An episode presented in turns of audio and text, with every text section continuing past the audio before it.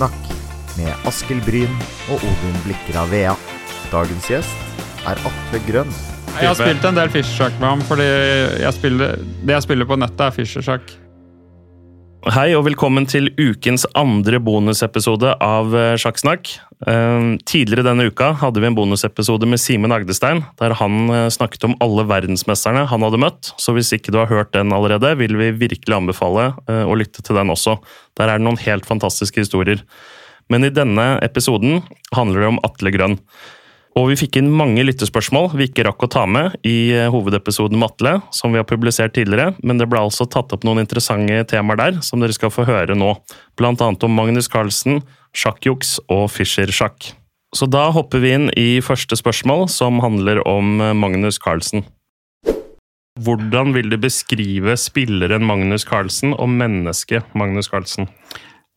Altså, det er, det er jo en egen podkast, da. Mm. Um, bare helt kort, så Jeg syns Magnus er uh, utrolig interessant.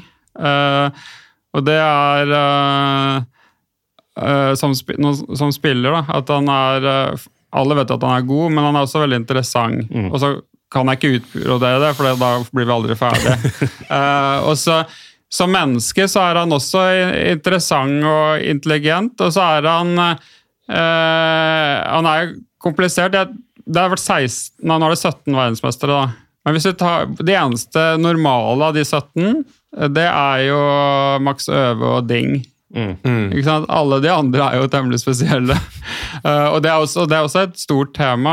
Uh, men uh,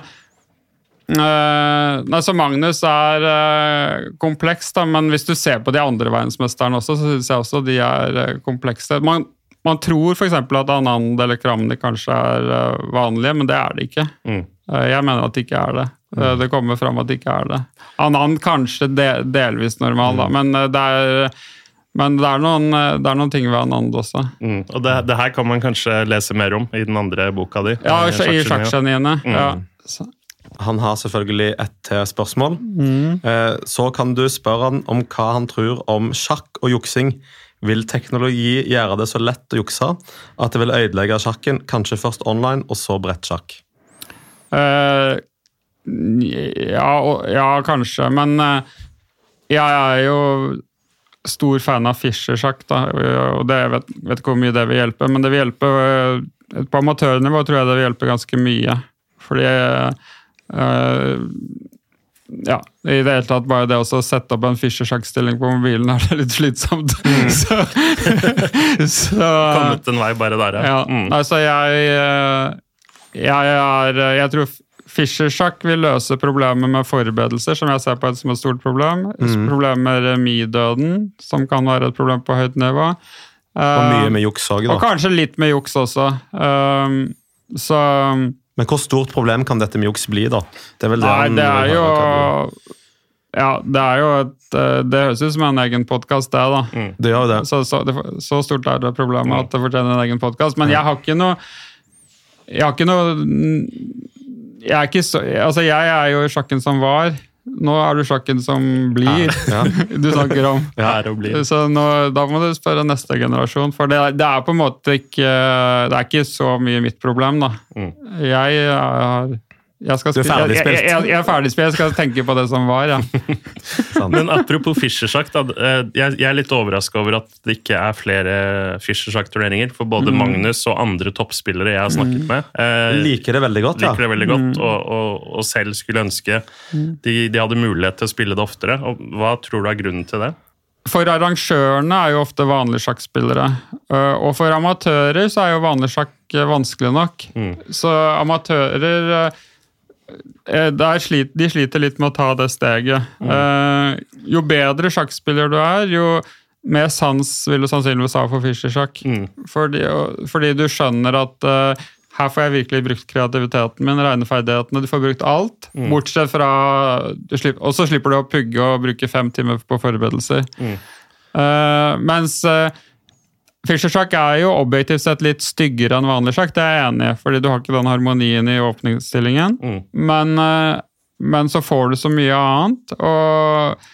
Det, men dessverre så er det Jeg skjønner jo også at amatører er fornøyd med, med harmonien i åpningsstillingen og mm. syns det er vanskelig nok. Ja. Så det er, det er, jeg tror du er inne på noe der. Ja. At de, de, henger rett og slett ikke med. Kanskje man må finne en rik sponsor som er veldig fan av Fischer-sjakk, ja. som bare kan og, det, Men det er jo problemet at uh, de sponsorene er jo også amatører, så de vil ha klassisk sjakk. Så det er veldig vanskelig ja. å finne folk som faktisk for du må være på et veldig høyt nivå for å se verdien av det, og, ja. og, rett og slett på TV og produksjon og alt, ja. um, alt sånt. Men det er ingen tvil om at toppspillerne liker det, og, mm. og og folk som oss. Puddinger som oss liker jeg ja, og, gode, gode, amatører. Da. Ja, mm. syns òg det er gøy med, med Fischer-sjakk. Og Magnus jo, satt jo og analyserte sånn random stillinger. Ja. Med oss og viste liksom, ok, hvis jeg får akkurat denne stillingen her, så kan du faktisk åpne og sånn. Og så er det tidenes felle liksom, hvis ja, han uh, spiller det. da. Det er jo en så, gullgruve for Magnus, den kreativiteten han kan få ja. brukt der. Mm. Og jeg, og, jeg, må bare skyte inn en historie som jeg kanskje har fortalt før, men om Magnus. Uh, jeg skulle jo spille kretsmesterskap i Fischer-sjakk for noen år siden på Lillehammer. og kvelden før så er jeg på besøk hos Magnus, og jeg forteller da at jeg i morgen tar jeg tog opp til Lillehammer, skal spille der i helga. Og så spurte han meg har du spilt noe særlig. Nei, jeg har veldig litt erfaring med Fischer-sjakk. Og, det han sier da, ja, men la oss ta noen partier, da. Så spilte vi tre-fire Fischer-sjakk-partier, og vi analyserte litt. Og han sa ja, du kom bra ut av åpningen der, men sånn og sånn. Så det bare gir litt kudos til Magnus, for det er kanskje ja, er en side av han som han ikke, ikke Som ikke kommer fram da, så ofte. Nei, det, er litt, det er kult, det. Og det er, fordi Fischer-sjakk er jo litt interessant også å spille mot litt svakere spillere. da. Mm. Fordi du, du har, altså, Når Magnus møter en svakere spiller, så kan han vinne bare på rutine. Ja. Mm. Men i Fischer-sjakk så er han faktisk nødt til å gjøre, tenke bitte litt. da. Ja, mm. absolutt. Jeg holdt jo ut noen trekk òg. Og, eh, og i, i, motsetning til Ellam så safa jeg inn kretsmestertittelen med remis i femte runde. ja, fire og en halv av fem mot en eh, på 1600, så jeg tenkte ok, nå går jeg for gullet. Ikke mm. noe all in.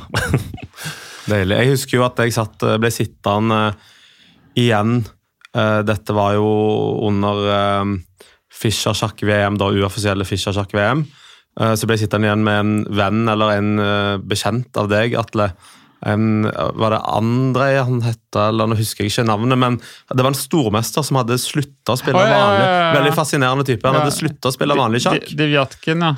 Ja. han, eh, det stemmer, han hadde 25-50 ca. Slutta med vanlig sjakk. og så... Bare spilte Fischer. Bare spilte, og det var han som inspirerte meg til å skrive en uh, sjakkspalte i Dag og Tid i uh, Jeg tror det var 2015-2016, hvor jeg skrev at vi må gå over til Fischer-sjakk. Og så ringte fotograf Dag Alveng meg noen år etterpå og sa at uh, han skulle ha en utstilling på Høvikodden, om han kunne ha en sjakkturnering der, så sa jeg det er litt kjedelig. Kan du ikke heller eh, lage et uoffisielt VM i Fischer-sjakk? Mm. Og så Jeg sa det litt på fleip, og så måtte jeg forklare hva det var, og så klarte han å få Fikk han med Gjøran på laget. Mm. Så klarte de å få sponsorer, og så ble jo det da Magnus mot Nakamura i 2018, mm. som var da starten på det hele. Men det starta jo egentlig med at Devjatkin inspirerte meg til den sjakkspalta, som inspirerte en fotograf til å osv. Utrolig. Ja, og Magnus vant den matchen, men har ja. til gode å vinne offisielt ja. Eh, Fischer-gull. Fischer-sjakkgull. Så det er jo et av de store han mangler nå. Ellers ja. har han jo snart fullført. Mm, og en fascinerende type, da, som, men det blir jo ikke mye spilling på han, da, for det er jo ikke så mye Fischer. Nei, og, men da, da, vi hadde offisielt VM i 2019, da, som So Runt uh, Det var vel For han kom ikke til det uoffisielle, men da dro jo han betalte flybilletten fra Moskva for å se på Fischer-sjakken. Ja. For han syntes det var så stort at uh, vi faktisk gjennomførte dette, gjennomførte dette her. da. Vi var jo de siste, vi hadde jo en sånn fest etter etter alle ja. sendingene var ferdige der. Og meg og han var jo de siste som satt igjen okay. og spilte Fischer-sjakk. da. Ja. Og jeg ble jo, jeg ble jo sudra totalt sett, men jeg vant jo noen partier. Og da var han ikke veldig fornøyd når jeg vant, og jeg er usympatisk som jeg er, så jubler jeg og sånt. Og da var det sånn Yes, yes, yes! Grandmaster of beer! det var veldig fin type. Jeg, har spilt en del Fischer-sjakk med ham, fordi jeg spiller, det jeg spiller på nettet, er Fischer-sjakk. Mm. Og jeg er nok kanskje den, fremdeles den i Norge kanskje som har spilt mest på Fischer-sjakk på nettet. Men eh, det ser man ikke hvis man går på Leachess nå, for jeg har en hemmelig konto. Ok.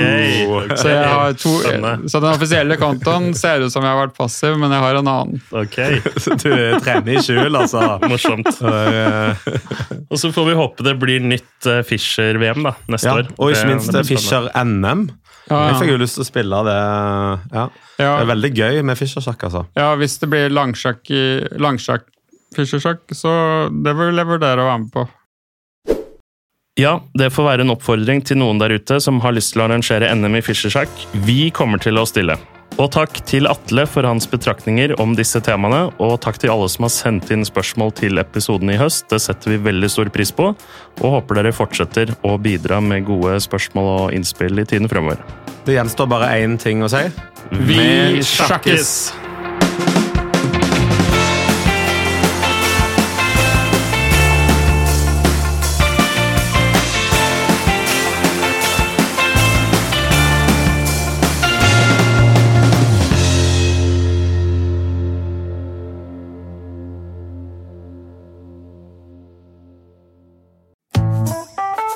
Har du et enkeltpersonforetak eller en liten bedrift? Da er du sikkert lei av å høre meg snakke om hvor enkelt det er å sende faktura med fiken. Så vi gir oss her, fordi vi liker enkelt. Fiken superenkelt regnskap. Prøv gratis på fiken.no.